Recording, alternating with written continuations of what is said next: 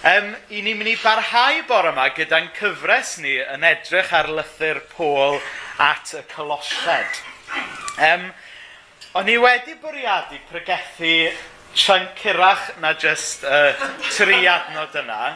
Um, pan nes i ddechrau fel gweinidog, o'n i'n determined bod fi ddim mynd i fod yn un o'r pregethwyr yma sy'n mynd i dreulio blanyddoedd yn mynd trwy just un llyfr o'r Beibl a bod fi eisiau rhoi dy darlun mawr ac yn y blaen. Ond wrth i fi fynd yn hen, dwi'n gweld fyna gymaint o werth jyst mewn un neu ddau adnod. Felly, er bod fi wedi dechrau sgwennu pregeth ar chunk mwy, nes i redeg mas o eiriau ac amser jyst yn y tri adnod yma. Felly, um, darlleniad byr iawn sydd gyda ni bore yma, Colosiad 2, adnodau 6 i 8, ond byddwn ni yn eich, yn eich cymell chi ar ôl chi fynd adre i, i, i edrych ar yr adnodau yma yn eu cyd-destun mwy. Darllenwch yr adnodau sy'n arwen fyny at nhw a darllenwch yr adnodau sydd ar ôl iddyn nhw. Ond yn benodol dyma y gair sydd gyda ni bore yma. Felly, gan eich bod wedi derbyn Crist Iesu, yr arglwydd, dylech fyw ynddo fe.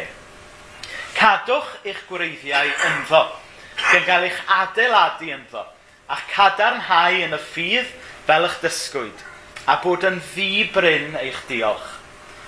Gwyliwch rhag i neb eich cipio i gaethiwed drwy athroniaeth a gwag hydoliaeth yn ôl traddodiad dynol, yn ôl ysbrydion elfennig y cyfanfyd, ac nid yn ôl Christ. Nawr, um, llythyr oedd hwn at Grisnogion mewn lle o'r enw Colosia oedd yn hwrcu heddiw. Um, ah, sorry, mae'n gynnes yma, dydy. Ac mi oedd y Cresnogion yma yn Cresnogion ifanc. Nid ifanc yn llythrenol, ond ifanc yn y ffydd. Dim ond yn ddiweddar oedd nhw wedi dod i adnabod a cychwyn dilyn Iesu. Felly, be mae Paul yn gwneud yn y llythyr yma, yn y bôn, ydy helpu'r Cresnogion newydd yma i weld sut mae gwreiddio i ffydd newydd nhw yng Nghyst Iesu. Um, hyd yma yn y benod gyntaf, i ni wedi gweld y darlun mawr, lle mae Paul yn dweithio Colosiad ynglyn â Iesu, ynddo ef y creuwyd popeth, trwyddo ef ac er yng mwyn ef y mae pob peth wedi ei greu.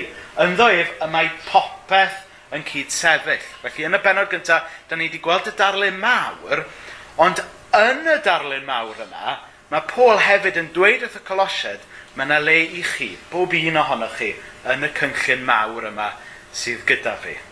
A mae hwnna mor bwysig dydy, ni gofio am y darlun mawr yma sgan ddew, bod ddew yn dweud bod yn adfer y cyfan, ond mae e hefyd yn yn adfer ni yn bersonol. Mae Dyw yn adfer y cyfan, ond mae e hefyd yn rhoi gwahoddiad personol i bob un ohono ni i fod yn rhan o'r adferiad yma mae e yn ei wneud. Um, Nawr, wythnos yma, i ni'n symud i edrych ar yr adnodau yma. A mewn ffordd, mae adnod 6 a 7 fel recap o be mae Paul wedi dysgu yn y llythyr hyd yma. Um, felly, gan eich bod wedi derbyn Christ, yr arglwydd, dylech fyw yn ddo ef. So dyna'r beth cyntaf mae Paul wedi bod yn pwysleisio. Sef bod ni fod byw yng Nghyst a bod Christ yn byw yno ni. Hynny yw, nid rhyw syniad i ni jyst yn credu ynddo fe ydy Iesu. Nid rhyw fath o eidioleg fel sawl eidioleg arall sydd gyda ni. Mae'r rhydd Gristnogol yn wahanol. I ni ddim jyst yn credu mewn syniad, i ni'n credu mewn person sy'n dod i fyw yno ni. So dyna'r pwynt cyntaf mae Paul yn gwneud. Yr ail beth sef y pwynt fi wedi cyffwrdd yn barod. Cadwch eich gwreiddiau ynddo. Mae'r mae mae'r ddelwedd yma ynglyn â cadw'n gwreiddiau yn codi dro ar ôl tro yn llythyr Pôl at y Colosied.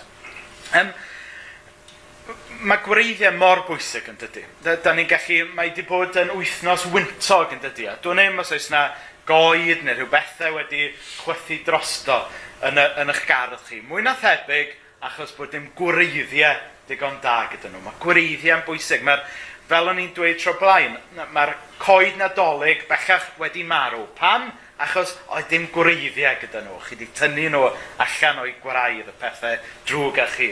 A, a'r, a'r goeden wedi marw nawr achos bod dim gwreiddiau gyda nhw.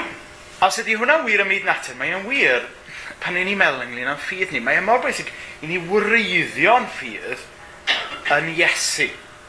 Achos da ni'n gallu gwreiddio'n ffydd mewn pethau eraill yn dydal da ni'n gallu gwreiddio'n ffydd mewn traddodiad. Yn dydyn, da ni, mae'r rhan fwyaf ohonoch chi yma, i ni wastad wedi bod yn mynd i'r capel. Da ni'n Gymru Cymraeg, dyna da ni'n gwneud ydy'n mynd i'r capel. Chyfod, um, mae'n hawdd i ni wreiddio'n ffydd mewn traddodiad. A mae traddodiad yn iawn yn ei le, ond gwreiddio'n ffydd yn Iesu i hun sy'n mynd i ddod a bywyd, sy'n mynd i ddod a bywyd ysbrydol go iawn i ni.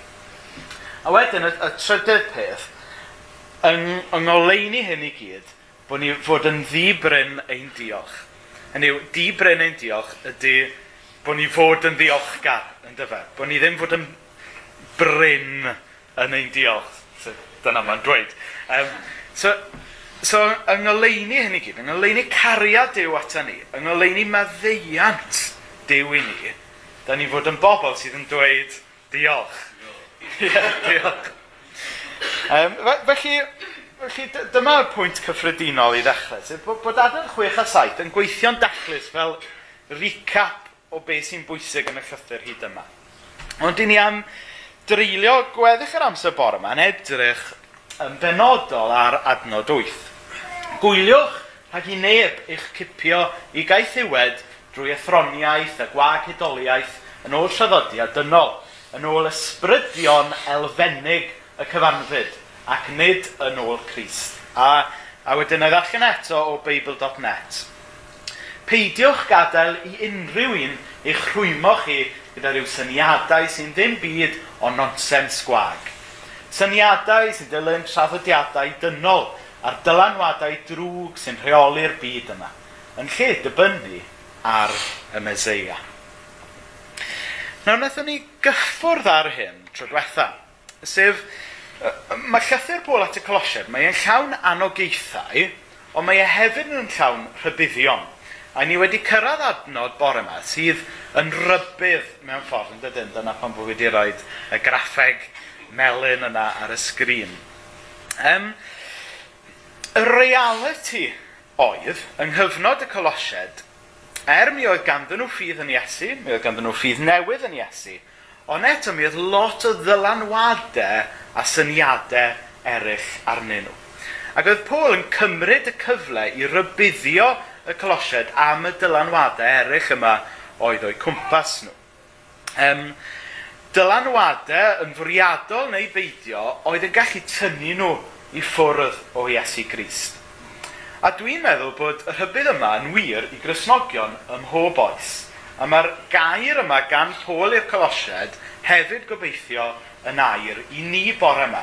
I ni gael yn llyged ar agor, i gael y meddylu ar agor i'r dylanwadau sydd o'n cwmpas ni gall yn tynnu ni i ffwrdd o ddiwrth Iesu. A mae Paul yn gwneud, mae fel bod yn gwneud y gwahaniaeth bod yna rhyw ddau gategori o ddylanwadau sy'n gallu mynd ni i ffwrdd o Iesu. Mae gyda ni syniadau athronyddol, so meddylwch mae peth fel syniadau intellectual, sy'n gallu tynnu ni o ddiwrth Iesu. Ac ar y llaw arall, mae gyda ni syniadau um, hydoliaeth, neu syniadau ysbrydol os hoffech chi sy'n gallu tynnu ni o ddiwrth Iesu. So ar un llaw, syniadau intellectual sy'n tynnu ni o ddiwrth Iesu, ar y llaw arall, syniadau ysbrydol. Um, a mae'n debyg mi oedd yna dri prif syniad athronyddol oedd yn tynnu y colosied ar y pryd oddi wrth Iesu. Y dylanwad um, cynta oedd dylanwad um, y ffydd iddewig, neu dylanwad y synagog. Nawr mi oedd yna lot o, o bobl yn Asia Leiaf, Twrci, o amgyrch Colosia, a yn benodol lle ar enw Galasia, um, A mi oedd yna bobl fyna oedd yn dysgu, wel, mae'n iawn i chi gael ffydd yn Iesu, gret, dim byd o'r on gyda hwnna. Ond os ydych chi eisiau bod yn bobl diw go iawn, mae rhaid chi hefyd sticio at y traddodiadau i ddewig, a mae rhaid chi gael eich enweidi, gael eich circumciso. Hynny yw, oedd yr iddewon yma'n dysgu Iesu plus. Chi'n eich gwneud Hynny yw bod ffydd yn Iesu yn unig ddim yn ddigon i wneud chi'n iawn gyda Dyw. Ond nhw'n dysgu, ie, yeah, iawn, cael ffydd yn Iesu, ond mae'n rhaid chi hefyd wneud rhywbeth eich hunan i fod yn iawn gyda Dyw. Ond oedd hynna ddim yn wir efengil. Achos i ni gyd yn gwybod be nath Iesu ddweud ar y groes. Be wedodd Iesu ar y groes oedd gorffenwyd yn dyfa. Sef bod gwaith Iesu wedi gwneud y cyfan. Does dim angen i ni wneud dim byd nawr heblaw am ymddiried yn Iesu. Dyna ydy'r yfengel grisnogol, sef bod Iesu wedi gwneud y cyfan. Nid bod Iesu wedi gwneud rhywfaint a wedyn bod rhaid ni off yna e off. Iesu wedi gwneud y cyfan. Chi'n meddwl am Emyn William Williams. Iesu, Iesu, rwy ti'n ddigon. Nid Iesu, Iesu, rwy ti bron yn ddigon. Iesu, Iesu, rwy ti'n ddigon. Ac yng Ngholosar y pryd, mi oedd y dylanwad iddewig yma'n trio dweud wrth y Colosiaid, a reit, gret, fe gyda chi ffydd yn Iesu, ond os chi eisiau bod ni'n pobl diw go iawn, mae'n rhaid chi wneud hyn, mae'n rhaid chi wneud llall. A falle bod ni'n gallu syrthio i hynna hefyd. Wel, gret ych chi gael ffydd yn Iesu Grist, ond mae'n rhaid chi dan ysgrifio i Seren Cymru, cyn bod chi'n cael eich derbyn go iawn. Neu, mae hwnna'n enghraifft sili. Ond, chi yn deall beth sydd gyda fi yma, i ni'n gallu dweithio fo, o, cael ffydd yn Iesu, ond mae'n chi hefyd, wneud hynna, wneud hynna llach. Ffydd yn Iesu Grist sy'n gwneud rhywun yn iawn gyda Dyw. Dyna ydy neges ganolog y ffydd grisnogol. A mae'n bwysig i ni gofio hynny. Yr ail ddylanwad um, oedd ar y, y colosied, oedd dylanwad athronwyr groegaidd. Nawr oedd Yr athronwyr groegaidd yn ffasiynol ar y pryd. Nhw oedd, chyfo, nhw oedd ddim fwg ar y pryd fel petai. Um, ag, a beth oedd yr athronwyr groegaidd yn dysgu yn y bôn? Nawr, fi, fi siŵr fod ddim yn unig cyfiawnder â hyn nawr. Ond oedden nhw'n dysgu iawn bod pethau materol, pethau'r byd yma yn ddrwg, a mae pwrpas bywyd oedd dianc i'r byd ysbrydol. Um, a hefyd mi oedd oedden nhw'n credu, oedden nhw ddim yn credu mewn diw fel petai, oedden nhw'n credu mewn rhyw syniad y logos, rhyw bwer oedd yn dal popeth at ei gilydd, fel y ffos yn y ffilm Star Wars, rhyw syniad feig ynglyn â pethau ysbrydol oedd ganddyn nhw. Ond eto, dydy rhyw, rhyw syniad feig ynglyn â dew, neu rhyw syniadau feig ynglyn â pethau ysbrydol, ddim yn lot o help na gywe. Um, nawr, mi oedd y groegwyr yn credu mewn rhyw fath o ddew, ond nhw ddim yn rhoi enw iddo fe. Ond mae'r efengel grisnogol yn wahanol ydy di.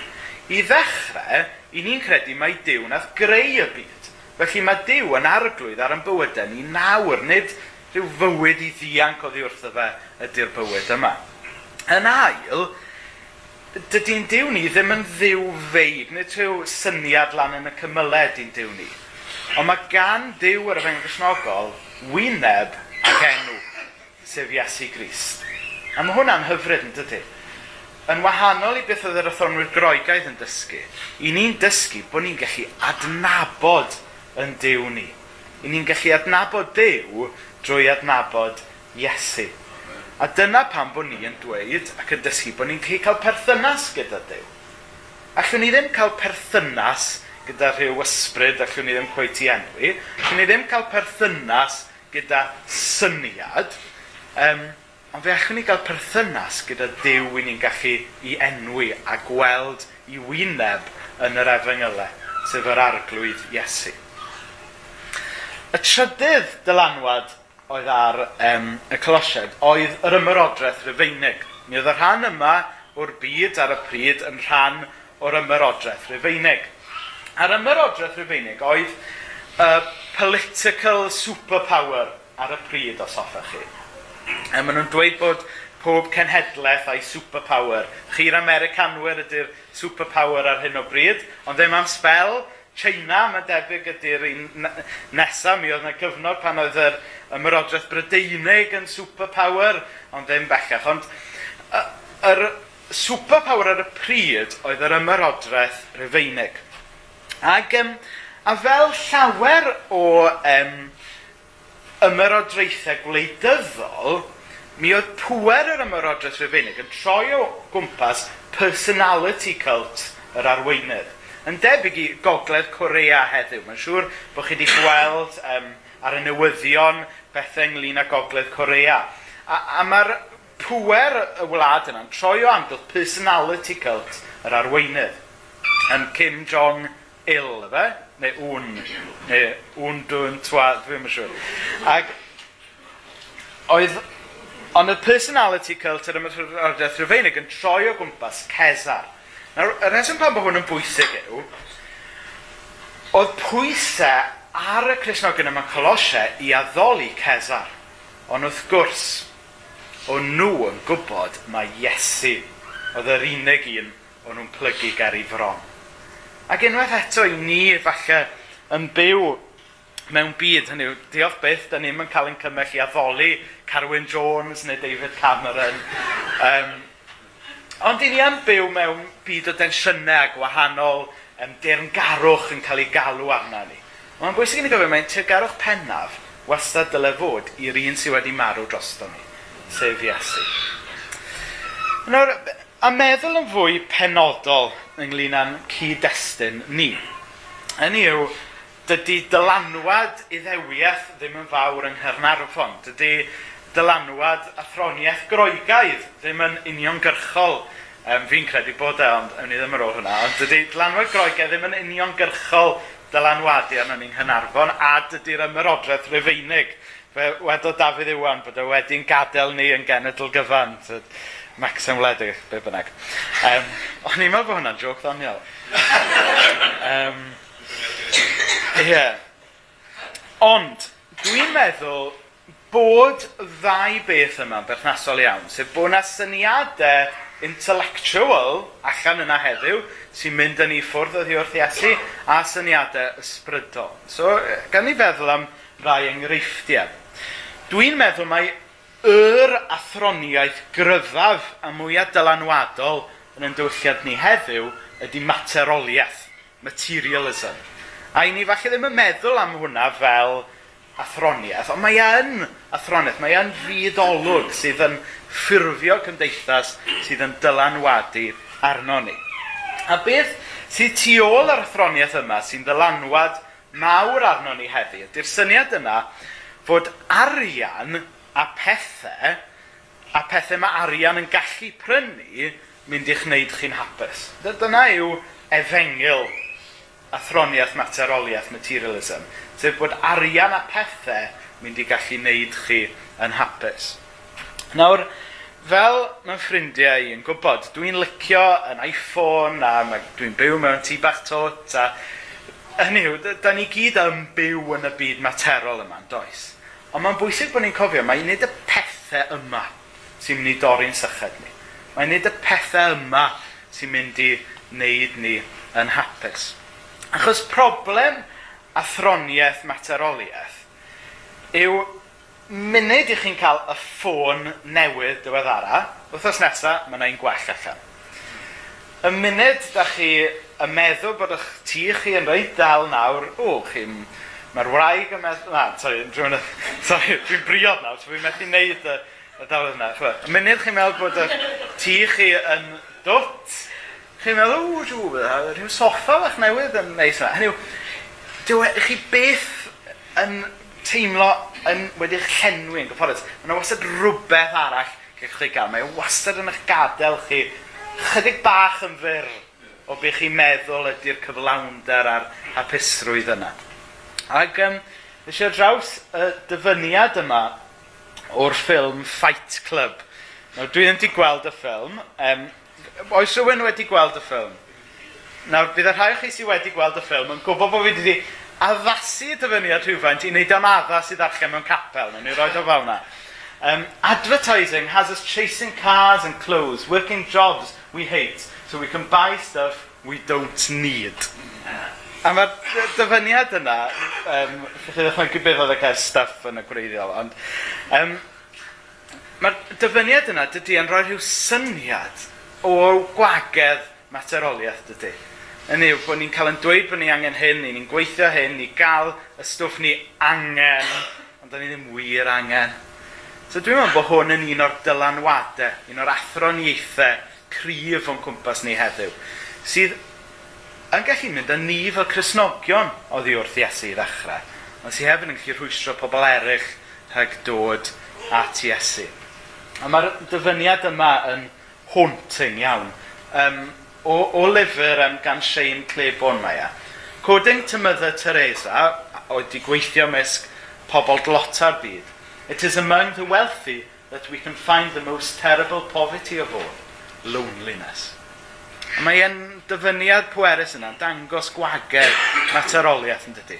Dangos bod arian, bod cyfoeth methu llenwi ni, methu torri y syched yna. Nawr, yr ail fath o athroniaeth dwi'n meddwl sy'n dylanwadu arno ni heddi, ydy'r syniad yna fod yna ddim fath beth a gwirionedd.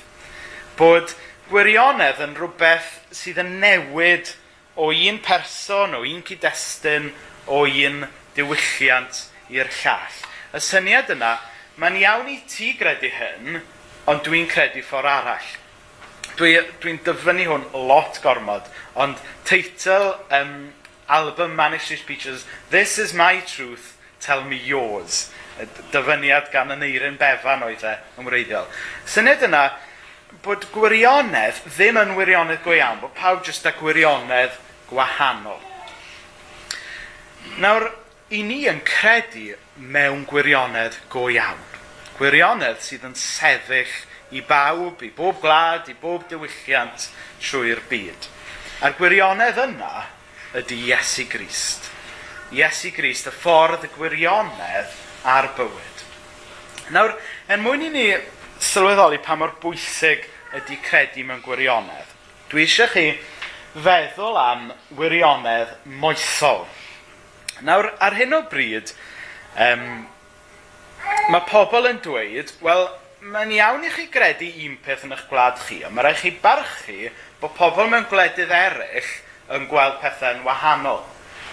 Nawr ar hyn o bryd mae'r um, BMS, y, Baptist Mission Society, mae ganddyn nhw ymgyrch bwysig eleni ynglyn â trais yn erbyn um, menywod, trais yn erbyn merched.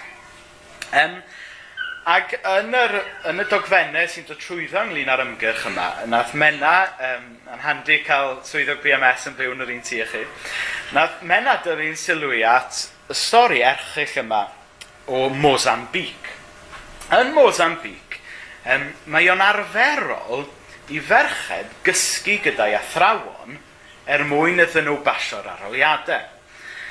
Um, a merched mor ifanc a deuddeg mlwydd oed, mae'n debyg.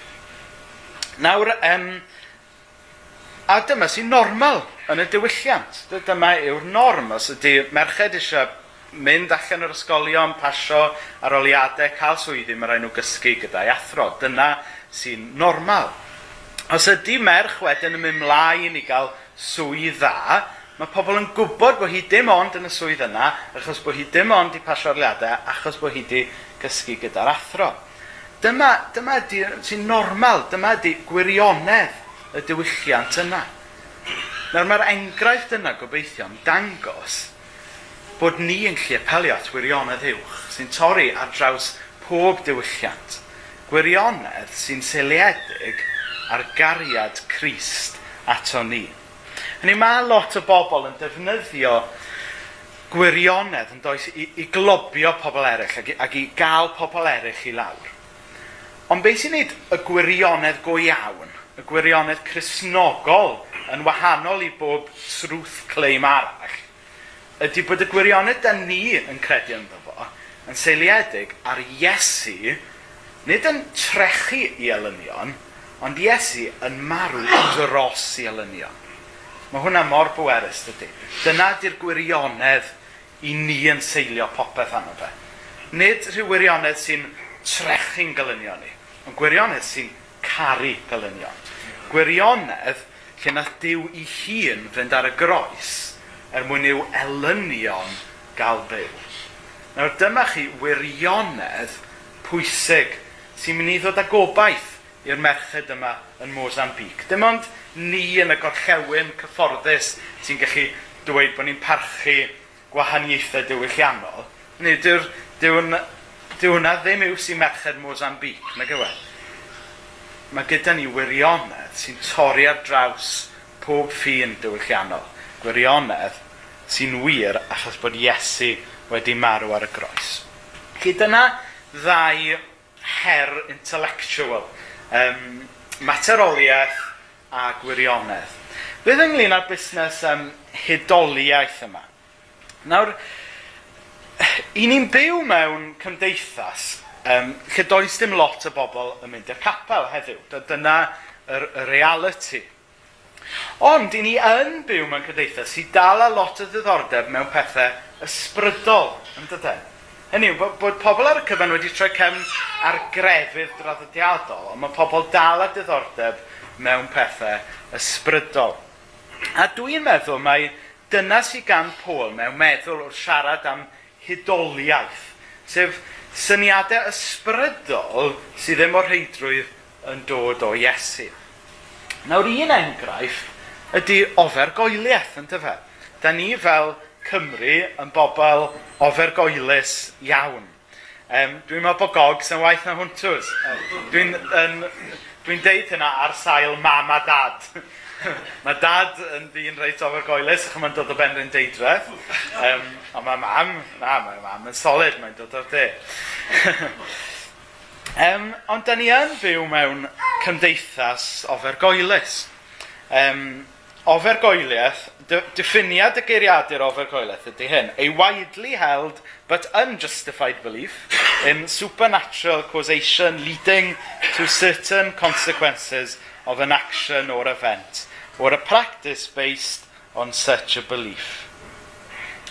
Nawr, mae rhai o fyrgoelion yn gyfarwydd bod chi ddim fod cerdded dan ysgol, bod chi ddim fod roed ymbarel lan tu mewn. Dach chi wedi clywed am hyn? Mae'n dda bod chi heb mewn ffordd. Um, mae actorion yn ofergoelus bod nhw ddim fod dweud Macbeth. Dych chi wedi clywed am yr ofergol yna, that Scottish play, maen nhw'n dweud um, a i chi gyd yn gwenu a chwerthin. Um, ond dwi'n adnabod yna un ferch yn ysgol gyda fi, oedd hi mor ofergoelus, oedd yn effeithio ar ei iechyd i, oedd hi'n poeni am bethau, oedd hi'n methu cysgu ac yn y blaen. Dwi'n cofio rhywun yn agor yn barel tu mewn ac gath hi, yw dagre, chi'n gwybod. Um, a, dal gwyn ar wneber rhai ohonoch chi. Mae e ar ryw wedd reit ddoniol. Ond eto, mae e'n drist yn dydi bod yna rhyw syniad ysbrydol sydd ddim yn wir yn effeithio ar fywydau pobl mewn ffordd negyddol. Chi dyma un hudoliaeth sydd eisiau ni watcho rhag ddefa. Um, un syniad arall dwi'n meddwl sydd o gwmpas diwylliant lot heddiw ydy'r syniad o kama, karma. Um, syniad di hwn sy'n wreiddiol um, yn dod o'r ffydd fodeaidd. Um, A beth sydd tu ôl y syniad yn y bôn ydy bod be chi yn neud yn dod nôl ato chi rhywset. So os ydych chi'n bod yn ffeind i rywun, fe, fe ddeith y ffeindrwydd yna nôl ato chi rhywset. Neu ar ochr arall y bethau, dydych na bod rhywbeth gwael yn digwydd i rywun, fydd pobl yn dweud amdano nhw, o, mae'n siŵr bod ydi gwneud rhywbeth i heiddi hynna.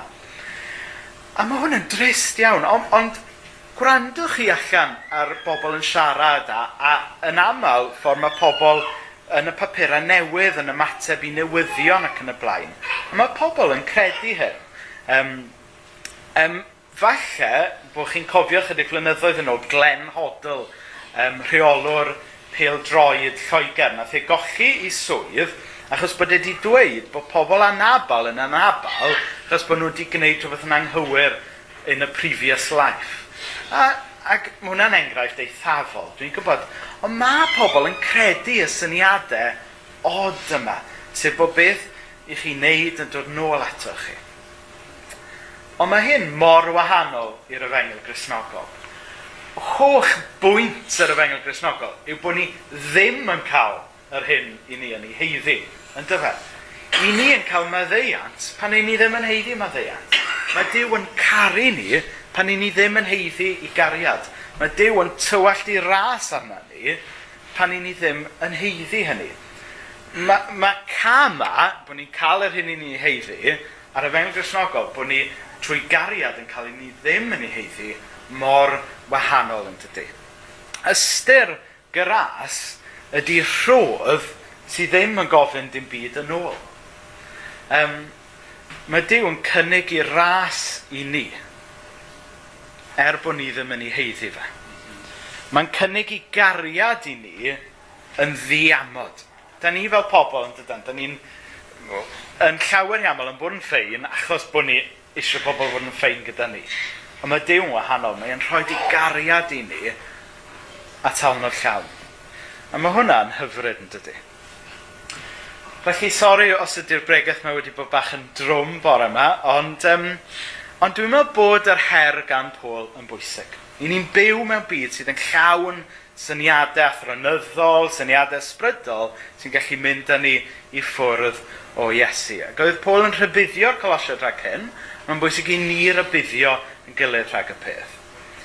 Ond dwi eisiau gorffen drwy eich annog chi yn yr un ffordd a oedd Pôl yn annog y colosiad. I ni yn byw mewn byd lle mae lot o ddylanwadau'n cystadlu am eich sylw chi, yn cystadlu am eich meddwl chi, yn cystadlu am eich enaid chi. I ni'n byw mewn archfarchnad o syniadau os hoffech chi. Dwi'n gwybod os da chi wedi bod yn Tesco i brynu swper a mae jyst y dewis. Da chi ddim yn gwybod beth i brynu. A mae'n teimlo fel yna ynglyn â'r dylanwadau sydd arna ni. Ond fel y Pantacelyn yn dweud, Iesu Iesu, rwy ti yn ddigon. Yn iawn i ni ymchwilio mewn i'r syniadau eraill yma. Ond mae rhaid ni gofio bod Iesu yn torri'r syched. Bod gwaith Iesu ar y groes yn ddigon. Digon i ti yw fy ngras i. Er mwyn i enw. Amen. Amen.